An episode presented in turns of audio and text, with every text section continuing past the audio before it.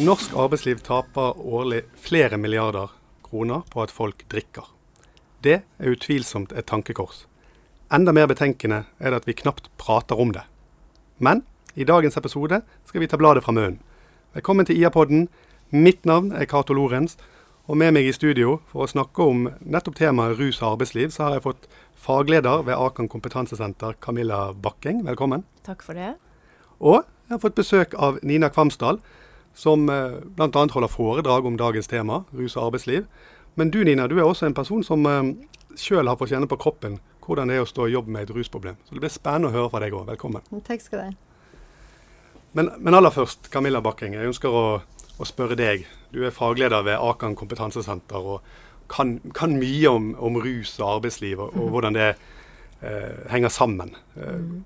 så hører vi at det koster det koster norsk arbeidsliv ganske mange milliarder mm. årlig. Mm. Tallet er vanskelig å definere, men, men, at det er et stort problem i forhold til kostnad, det, det vet vi.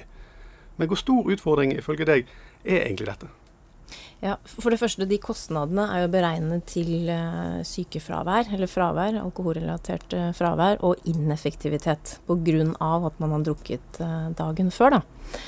Um, hvor stor utfordringen er Jeg kan ikke gi deg noe tall på det. Um, men det er jo de negative konsekvensene for arbeidssituasjonen som kan vise seg i form av fravær, i form av uh, ineffektivitet, i form av atferdsendringer. Som gjør det vanskelig å forholde seg til kolleger og jobbe sammen. Mistillit, bekymringer. Um, vi er jo i en posisjon i Akan kompetansesenter at vi Eh, snakker med norske ledere og ansatte, verneombud, HR osv. hver eneste dag. Både på veiledningstelefon eh, vår, men også ute i bedrifter. Og da er det jo nettopp det du beskriver i starten her, at vi snakker jo ikke om det. Vi setter ikke ord på det. Og det er kanskje den største utfordringen som vi har i norsk arbeidsliv i dag. Eh, vi mangler et språk, rett og slett. Og det er for meg fortsatt et paradoks etter å ha jobbet med dette så mange år, at eh, nærmere 90% av oss drikker alkohol på den vanlige norske måten. Og så kunne vi jo godt diskutert den måten å drikke på, for der skiller vi oss litt ut fortsatt, hvis vi sammenligner oss med resten av Europa. Men um, så mange av oss drikker alkohol, og så er vi så redd for å sette ord på det i en arbeidslivskontekst fordi vi ikke vil bli oppfattet som festbremsen eller avholdspersonen eller moralisten. Og så lar vi det bare være. Og det som er utfordringen knyttet til dette her i norsk arbeidsliv, er jo at vi har så mange sosiale situasjoner i regi av jobb hvor vi drikker alkohol sammen. Og det er helt greit, men sett ord på det. Snakk om hvordan dere ønsker å ha de situasjonene sammen, sånn at det blir trygt, hyggelig, morsomt, ålreit for alle å være der. Og ikke minst eh, at man tør å si ifra hvis man opplever noen ubehagelige situasjoner. Ja, og det, og det er jo kjempeinteressant. Vi mangler et språk, sier du. Og Vi det, mangler et språk. Og, og det, det, språket kan vel kanskje Akan og eh, de som kan det, være med å, å, lage og skape. Uh, men, men de tør ikke å sette ord på det i norsk arbeidsliv. Hva tror du er årsaken til det, da? At ikke de setter ord på det? Det, det, hvor vanskelig kan det være? Det er det jeg prøver å finne ut. Eh, jeg tenker at en av grunnene er nettopp det at så mange av oss drikker alkohol selv. Så er vi redd for å møte oss selv i døra.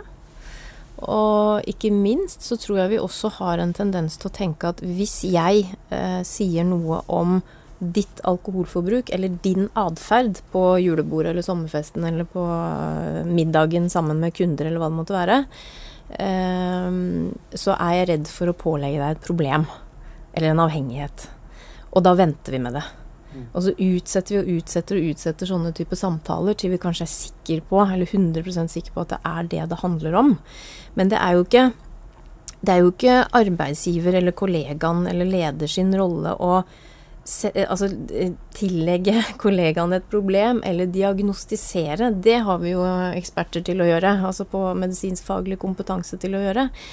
Men vi må jo sette ord på dersom det er situasjoner som ikke er greie i forhold til arbeidslivskonteksten, hvor det kanskje påvirker sikkerheten eller arbeidsmiljøet eller omdømmet. Eh, da må det være lov å sette ord på det. Og der mangler vi et språk i forhold til å komme bort fra det der hinderet med at hvis jeg sier ifra nå, så er det det samme som å si at du har et problem. For den vil vi jo helst ikke ha. Og da snakker vi hver eneste dag med ulike arbeidsplasser om akkurat dette her. Hvordan kan du si ifra? Eh, hvordan kan du ta det opp? For det handler jo hele tiden da uh, om å komme så tidlig som mulig inn på banen. Mm. Ja. Uh, Nina, Nina Kvamsdal, ja. du, er, du, er, også med oss her. Yes. Um, jeg sa innledningsvis at du har sjøl fått kjenne på kroppen hvordan det er å stå i jobb med et rusproblem. Mm. Uh, for du har, vært, du har, hatt et rusproblem i hele ditt arbeidsliv, ja. uh, og kombinerte det med å stå i jobb. Ja. Um, spiller et veldig åpent spørsmål. Hvordan, hvordan opplevdes det? Hvordan følte du det var? Utrolig slitsomt. Uh, veldig, veldig slitsomt. Som sagt, å ha en fulltidsjobb og så ha et heltids rusproblem. Um, og som sagt, etter hvert så blir det bare vanskeligere og vanskeligere å skjule jo dårligere du blir. Um, ja, men det å skjule det, det var jo det som sto mest i hodet mitt helt på slutten, liksom. Mm. Fordi at for meg så var det jo altså sånn De som var rusmisbrukere, sto jo på gata. De hadde ikke åtte til fire-jobb. Så, så, slitsomt er vel det beste ordet jeg kan ja, slitsomt, det, beskrive det med. Kan jeg tenke meg. Og du, og du sier du, du, du, brukte mye tid og krefter på å, å skjule det. og mm. jeg, leste vel på en av bloggene dine, for du blogger også mye om dette temaet, ja, det eh, at, at, du, skjulte det i, i, fire år før du ble konfrontert, eller før det ble tatt opp. Stemmer? Ja, det stemmer. Hvordan fortonte det seg det, etter fire år? Ja. Nei, altså etter fire år så tror jeg det syntes veldig godt på meg. Um, da hadde jeg gått opp masse i vekt, og jeg vet at blikket mitt var helt annerledes. Ja, jeg var så utslitt. Så jeg tror det var til slutt da at folk så det på meg, at mm. det var et eller annet her. Mm. Uh, før det så var det vel sikkert masse hint, og det var masse sikkert rykter etter ulike julefester og altså alt mulig, men det var ingen som uh, konfronterte meg før det hadde gått fire år. Er du, er du skuffet over det? At ingen, at ingen tok den samtalen og pratet med deg før det var gått fire år? Um, kanskje litt samtidig som at det var jo ikke deres ansvar. Um, men selvfølgelig så hadde jeg kanskje ønsket etter noen av disse julefestene og ja, kickoffs og sånn, at noen kanskje hadde sagt noe på mandag morgen istedenfor at det bare ble stille når jeg kommer på jobb. Um, men samtidig, ja, det var jo ikke deres ansvar. Um, det var det ikke. Men selvfølgelig, innerst inne så hadde jeg kanskje håpet i flere situasjoner at kanskje noen hadde sagt noe. Jeg hadde kanskje blitt veldig sint og sur og prøvd å snu det til at det var de som hadde et stort eh, ja, eh, problem, og ikke meg.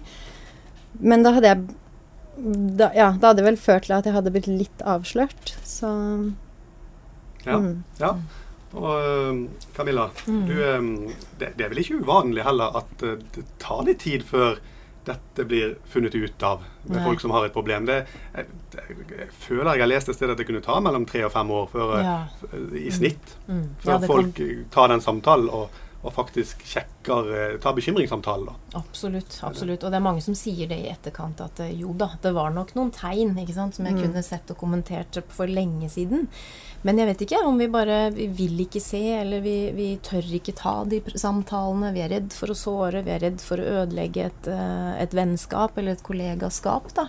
Mm. Og, og, og, kanskje også leve med en sånn opplevelse at dette er så privat at vi ikke tør å gå inn i det. Um, men det er jo det som Nina beskriver her, det, det handler jo om å bli sett, da. Og å se hverandre.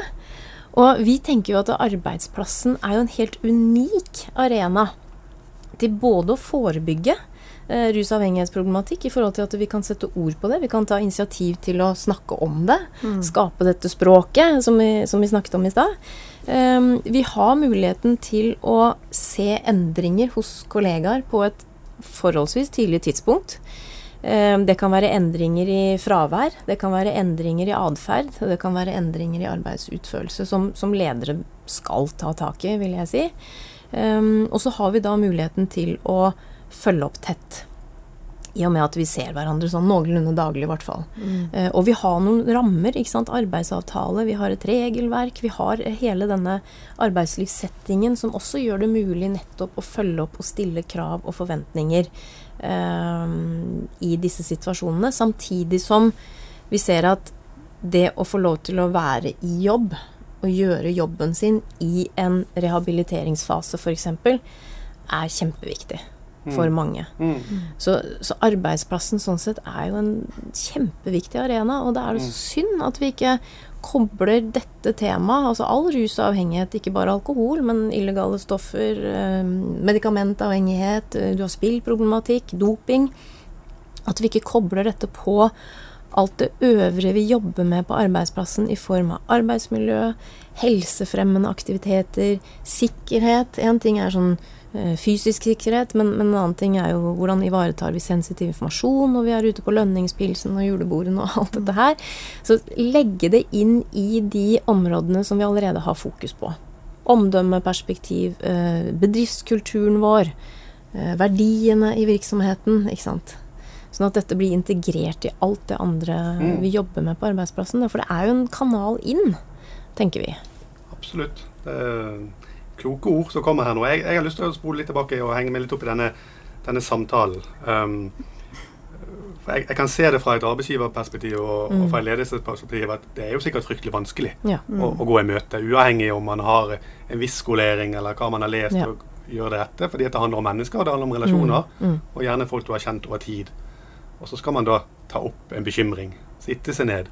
Mm. Um, og, og, Nina, du, du, har jo opplevd det. Ja. Etter fire år ja. så, så, hadde du denne samtalen. Eh, eh, kan du ta oss litt med i den, inn i den samtalen? Ja. Eh, mine sjefer var jo kjempenervøse, eh, og det merket jeg jo på dem. Det, jeg var kjempedårlig, eh, sånn at jeg husker ikke alt som ble sagt. Um, jeg bare husker at de sa at uh, ja, altså uh, her ser vi at det er et eller annet som ikke stemmer, eller at du ikke har det bra. Og da orket jeg ikke å, uh, ja, å krangle på det eller benekte eller noen ting, så jeg bare knakk sammen. Um, og det som hun ene sjefen gjorde da, for de satt jo på andre siden av et veldig stort bord, så jeg følte meg ganske liten, hun gikk rundt bordet og så ga hun meg en stor klem. Det er det jeg husker fra det møtet, egentlig. Alt det andre som ble sagt, det husker jeg ikke, men jeg husker den derre klemmen. Og det er derfor jeg tenker at det er så viktig å ta den samtalen med omsorg. Mm. Og istedenfor å komme og si OK, du har gjort det og det, og alle bevis og sånn, så spør heller går det greit med deg. Og da kan du ja, og da får du sikkert vite så mye mer enn om man skal liksom bare bulldose inn med Ja, vi har hørt at du har gjort ditt og ditt, og du har mm. For det har du sikkert masse av, og har du en magefølelse på at en ansatt ikke har det bra, så stemmer det nok. Mm. Og har du en ansatt som blir full på hver eneste fest, og ja, du ser at personen ikke har det bra, så stemmer det nok. Da har den personen det sikkert helt forferdelig. Mm. Um, så det er vel egentlig det som jeg tenker er, er det viktigste. Gjør det med omsorg. Mm. Som sagt, den klemmen snakker jeg om. Jeg har snakket om den nå i mm. fem år. Mm. Men det var det viktigste med det møtet. Mm. Ja. Det, mm. det, det, kan jeg tenke meg, at det er det som sitter igjen. Og, og Camilla, du, du har sikkert hørt om mange sånne historier. Mm. Um, er, de, er norske ledere i bedrifter rundt omkring gode nok til å ta den omsorgsrollen og gi de klemmene?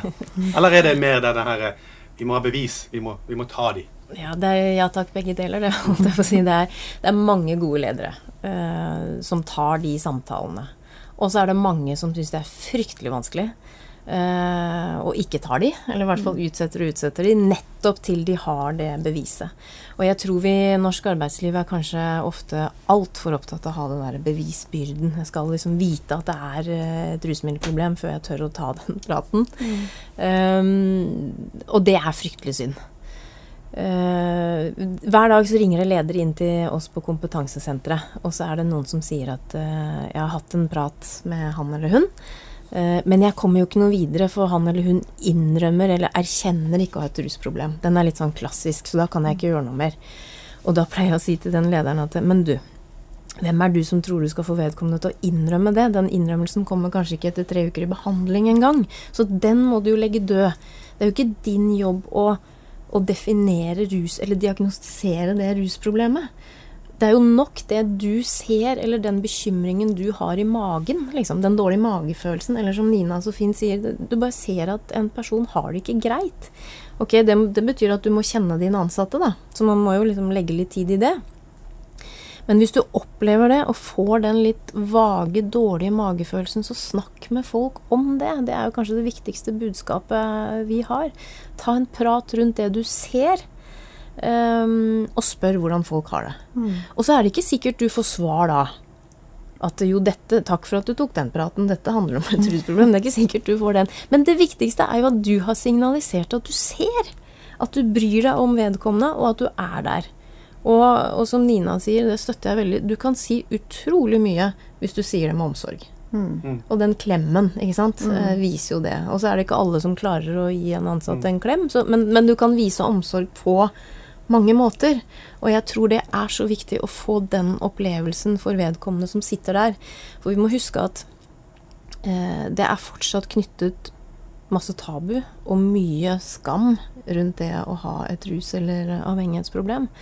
Og det å være i den posisjonen hvor dette, som du kanskje skammer deg aller, aller, aller mest over i hele livet, er i ferd med å bli avslørt, og appåtil så er det sjefen din som er i ferd med å avsløre det, det kommer ikke en innrømmelse der og da, vet du. Men du får tatt en første prat, og så kan man fortsette eller gå videre. Eh, og så kommer det vel litt an på også når denne samtalen blir tatt. Mm. Om jeg hadde fått denne samtalen når det bare hadde gått to år på den arbeidsplassen, så kan det hende at jeg hadde blitt sint og sur og manipulerende og ja, og mer sint og prøvd å benekte alt. Men siden jeg var så utslitt på det tidspunktet og bare ga opp alt Ehm, Men selv om det da hadde blitt at jeg hadde blitt sint og sur og bare stormet ut herfra, så hadde jo noe blitt plantet i hodet mitt, og da hadde jeg visst at ok, arbeidsplassen følger faktisk med. Ja. Så selv om man da tar en sånn samtale, og det ikke kanskje blir sånn som man hadde tenkt seg, og ikke noe klemming, Mm. eh, så betyr ikke det at du ikke faktisk har gjort noe, eller får til noe, Nei. eller hjelper denne personen på en eller annen måte. Mm. Eh, Så det tenker jeg også er ganske viktig. Men for noen så må det liksom gå ganske langt før vi til slutt overgir oss, da, for å si det på den måten. Mm. At vi skjønner at det her klarer jeg ikke, nå har jeg et problem, det her går ikke. Mm. Fikk du, kan jeg bare spørre deg, fikk fikk du noen kommentarer, eh, eller var det noen kolleger som snakket med deg i, før disse fire årene? Fikk du noen signaler fra kollegene dine? Nei, Um, nå jobbet jeg på en veldig fin arbeidsplass, men det var jo også veldig festkultur. Ja. Um, sånn at vi alle var liksom med på leken, Mm. Mm. Um, for å si det på den måten. Sånn at Mm. jeg kanskje ikke skilte meg så veldig ut som jeg egentlig trodde. At jeg var ikke den eneste som krabba hjem. Ja, så Nei, ikke akkurat. Nei. Nei. Det var vel litt eh, kommentarer her og der. Mm. Men det var jeg så flink til å le bort og tulle Ja. med og si at alle var jo like fulle som meg. Og, Ja.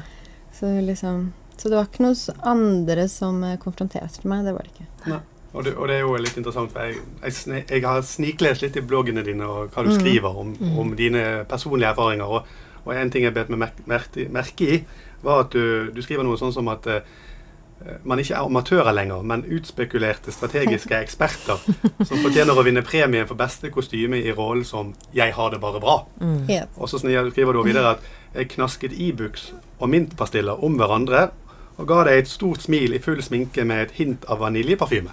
Ja, Jeg syns det er veldig beskrivende. Det, var det sånn det var når du gikk rundt og skjulte det på arbeidsplassen? Og, det var det. Jeg jobbet jo også egentlig syv til eh, tre hver dag. Ehm, så begynte jeg å komme inn sånn fem-seks, for da kunne jeg gå av meg rusen. Og da kunne jeg gjøre klart mest mulig for, for hele dagen, sånn at ingen kunne ta meg på noen ting. For alt var jo klappet og klart. Og da hadde jeg også ekstra tid til å liksom sminke meg og gjøre alle, alle ja, årene. Så det var også et sånt derre triks. Og, men senere så har jo folk sagt at ja, vi begynte jo å lure på hvorfor du var på jobb så innmari tidlig. For etter hvert så var det folk som la merke til det. Men det tenker man ikke på som et typisk tegn på at noen har et rusproblem. De trodde sikkert at jeg bare var kjempegira på morgenen.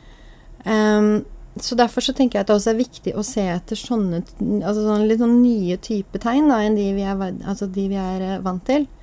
Uh, og jeg jobbet til tre, men da måtte, altså sånn, hvis jeg da måtte jobbe fem minutter over tid, så klikket jeg jo helt. For det funket jo ikke, for jeg skulle jo rekke Vinmonopolet og apoteket og skulle hjem og ruse meg. Så det er også en sånn ting som man kanskje kan se litt etter. da. Så, ja, så jeg hadde min, ja, mine metoder for å, for å skjule det, som som Mm. kanskje ikke er sånn typisk som man tenker på. Mm. Mm. men Camilla, Mm. eh, som fagleder for Akan, så, Mm. så sa jeg inn i det dette er, det, dette er deres kompetansefelt. Dette kan Mm. dere. Mm. Og det de ikke kan ute i norske bedrifter, og der de har forbedret potensialet, der kan jo kanskje dere være en bidragsyter, og dere er en bidragsyter mange steder, og Ja. gjøre de flinkere. Ja. Mer rustet til å ta disse samtalene. Eh, hvordan jobber en, den ideelle mønsterbedriften med, med, Med dette temaet. med dette temaet? Eh, nei, nå har vi snakket mye om, om den samtalen, uh, Mm. og den er kjempeviktig. Mm. Og jeg tror fortsatt vi kan si at det er den største utfordringen. Å få alle ledere trygge nok til å ta disse, det som vi kaller for den nødvendige samtalen. Da. Ta en samtale på et tidlig tidspunkt. Men før det så kan man gjøre ganske mye.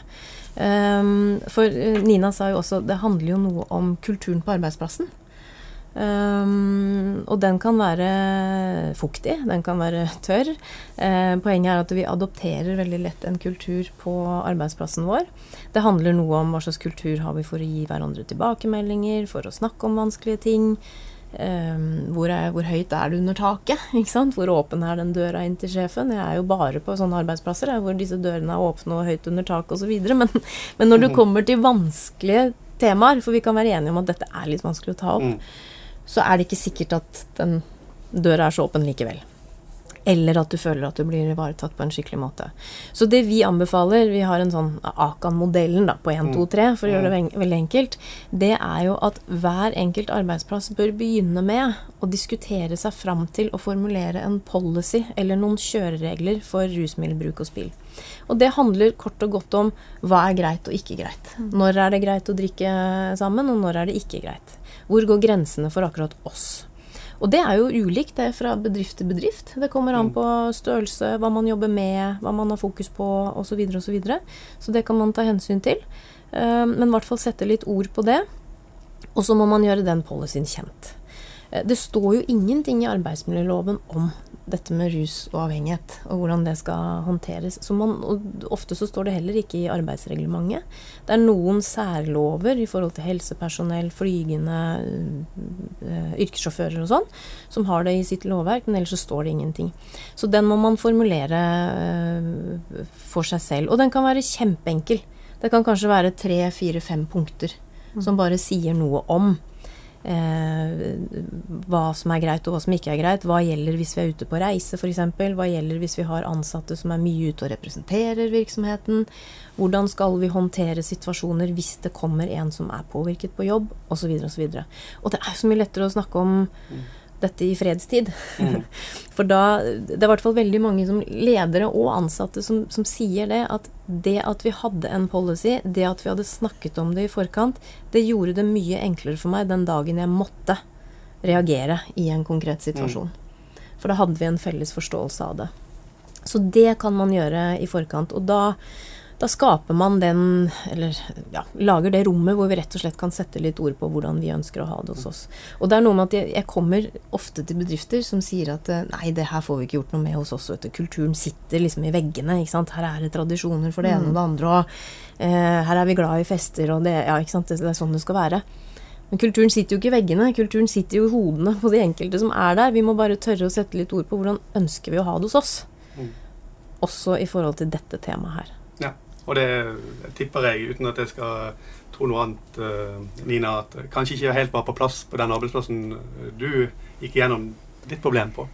Nei, det var det ikke. Nei. Vi hadde ikke noe ordentlig policy. I så fall så den var den godt gjemt på uh, intranettet.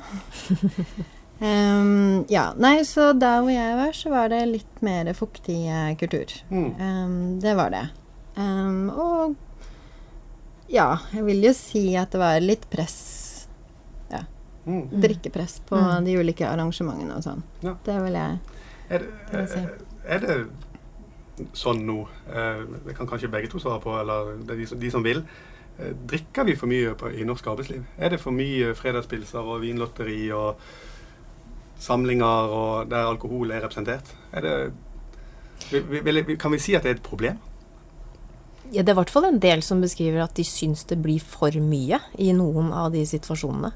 Eh, og så er det noen som syns det er for få sånne situasjoner, så der møter du, møter du begge deler. Men, men uh, jeg tror igjen det handler om at uh, man er ikke helt klar over hva som kanskje forventes, og hvor går grensen for hva som er greit og ikke greit da, i de situasjonene. Så det er, det er veldig mange som sier at det er mye bedre nå enn det var. At det liksom er Ja, ok. Det er på en måte lengre mellom disse åpne barene eh, på julebord og sommerfester og, og sånn, men det er fortsatt en del virksomheter som har det. Eh, for det er enkle tiltak, Mm. ikke sant. Eh, Mm. dele ut øl og, og vin, og så blir stemningen bra. Det er jo litt sånn typisk norsk, kanskje. Um, men om det er et stort problem Jeg syns det er vanskelig å si noe om det. For de som opplever det som, som vanskelig og problematisk, så blir det et veldig stort problem. Mm. Og det trenger ikke handle om at man har en eller to på jobben med en avhengighet, altså som har kommet så langt. Det kan være nok at man har to-tre stykker som alltid drikker altfor mye på festen, eller sammen med kundene, eller sammen med kollegene, og som skaper ubehag rett og slett der og da. Eh, og det kan være nok. Og det er eh, ubehagelig for mange å kjenne på det. Altså at man Mm. ikke heller vet hvordan man skal håndtere det, eller hvem man kan si fra om. Fordi, um, grunnen til at jeg spør litt, jeg, fanget opp et ganske interessant sitat som jeg har lyst til å kaste opp her nå. Det var en forsker som het Steinar Nesvåg eh, i 2005.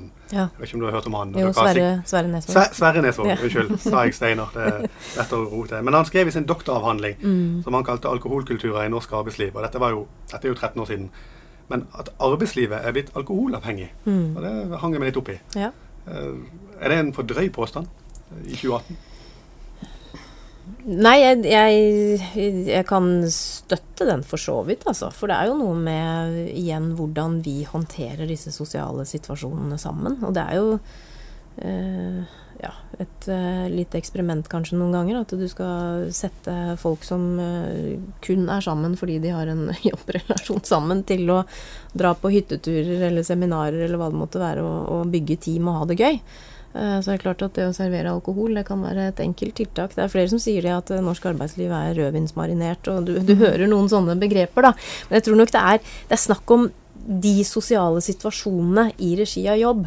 Det er jo veldig tørt innenfor arbeidstiden og på arbeidsplassen. Der er vi veldig enige om at der skal det ikke drikkes. Ikke? De som da er påvirket på jobb eller innenfor arbeidstiden, da tenker man ofte at da er det et problem eller en avhengighet som ligger bak.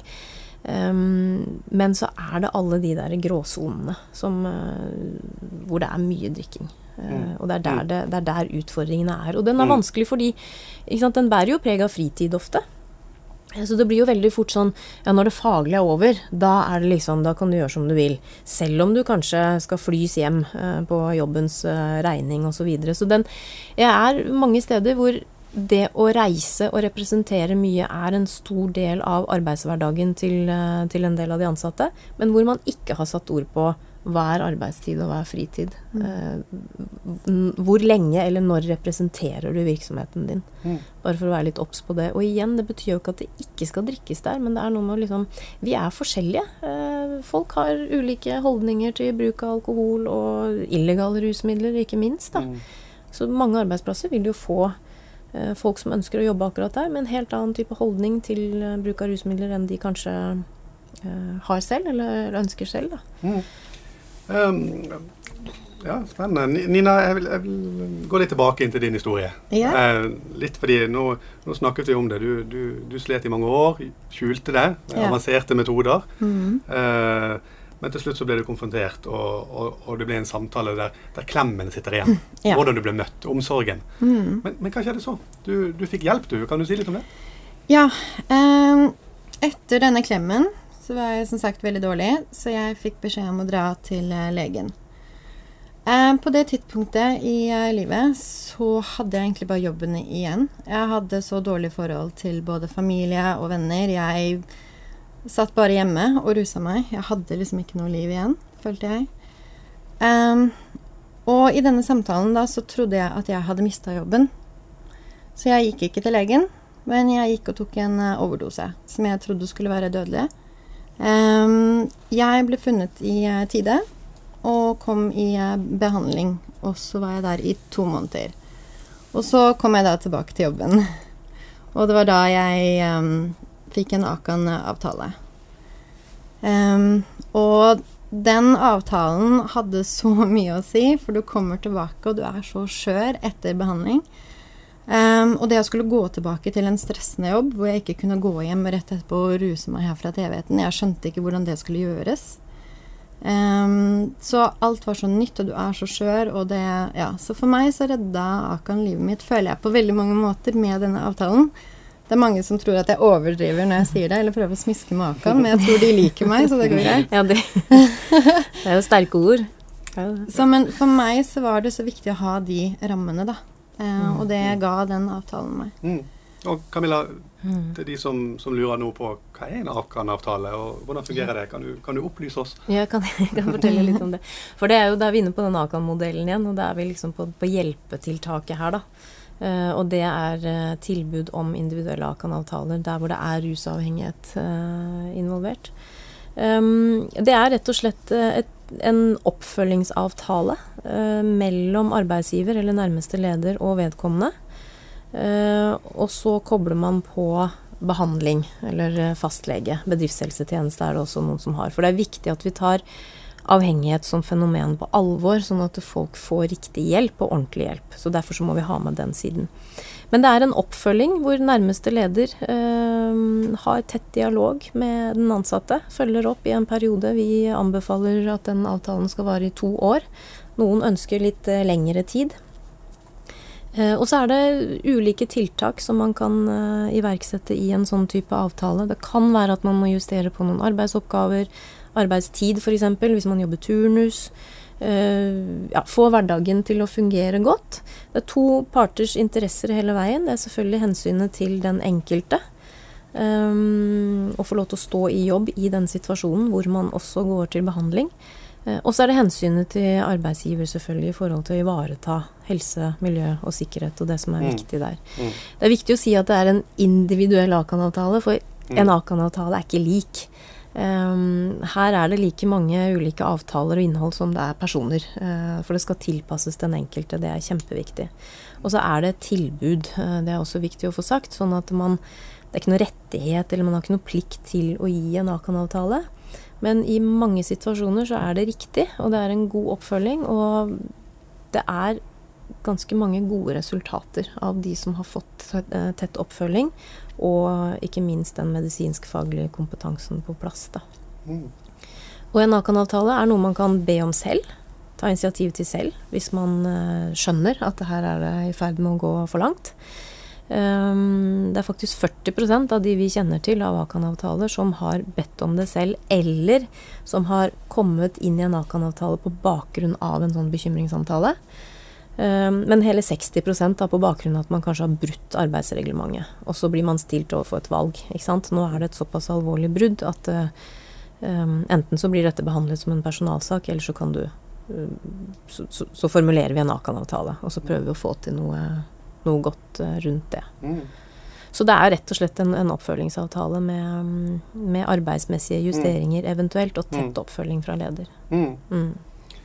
Jeg må bare lyst til å kaste ut en liten ting her også. Det er fordi at eh, Vi ønsker at leder, ledelsen og arbeidsgiver skal ta en omsorgsrolle, og vi ønsker kanskje de skal tilby en Akan-avtale.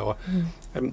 Men kan man òg forstå de arbeidsgiverne som, som, kanskje føler seg litt sånn sveket, som et svik? At en, en som mm. man betaler, en arbeidstaker, ja. eh, bryter den tilliten som, som, kanskje de kan oppleve det. Kan, ja. man, kan man, se den siden av det òg? Ja, absolutt. Ja, det, absolutt. Uh, det er jo ofte det som blir beskrevet når de ringer inn til oss eller mm. ønsker veiledning, at det er mistillit. Mm. Det er tillitsbrudd. Hvordan i all verden skal jeg stole på vedkommende? Um, og den forstår jeg veldig godt. Uh, så jeg forstår de lederne som uh, Altså ærevære ledere, egentlig, også der ute. Som, som, bruker ressurser og tid og strekker seg ofte ganske langt. Uh, både i forkant av, men også i individuelle A-kanaltaler. Um, det som er synd, er jo alle de som ikke kjenner til disse verktøyene. Mm. For det er jo kanskje vår Jakan kompetansesenter sin viktigste rolle. Å vise arbeidsgiver handlingsrommet du har. Det er ikke sånn at vi kan redde alle nødvendigvis. Eh, noen ganger så er det eh, lovbruddet eller bruddet på arbeidsreglementet så grovt og så alvorlig at du ikke kan tilby hjelp, eller at du ikke kan tilby andre typer arbeidsoppgaver hvis det er veldig sånn sikkerhetspreget arbeidsoppgaver osv. Men å kjenne til verktøyene og kjenne til mulighetsrommet, sånn at du i hvert fall er sikker på at du har prøvd alt det du kan, og vurdert det du kan, før det eventuelt reaksjonen må bli en oppsigelse. Og selv der har jo arbeidsgivere en, en omsorgsplikt. ikke sant? Mm. Ivareta folk i de fasene. Mm.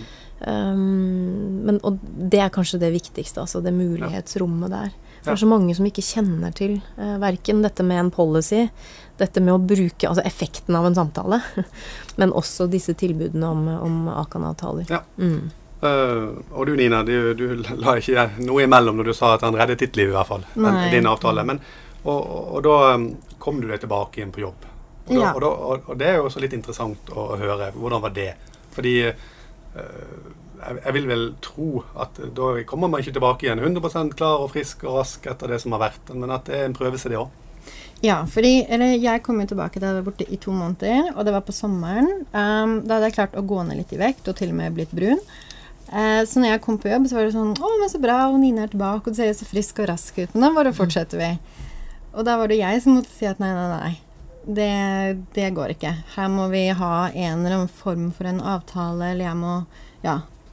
Et eller annet må skje, da. Liksom. Um, og det var da jeg hadde hørt om eh, Akan, så vi ringte de. Det var ingen av oss som hadde noe erfaring, egentlig. Eh, og så fikk vi en mal på en sånn Akan-avtale, så vi satt sammen og satte den sammen, og hvilke regler som skulle være, og sånt. Så det ble veldig, veldig bra til slutt. Og da hadde vi jo alle veldig eierskap til den, siden vi hadde sett ut, altså, satt oss ned og lagd den sammen. Um, jeg ville jo ha en veldig streng avtale, um, for jeg skjønte at ja, det må jeg ha.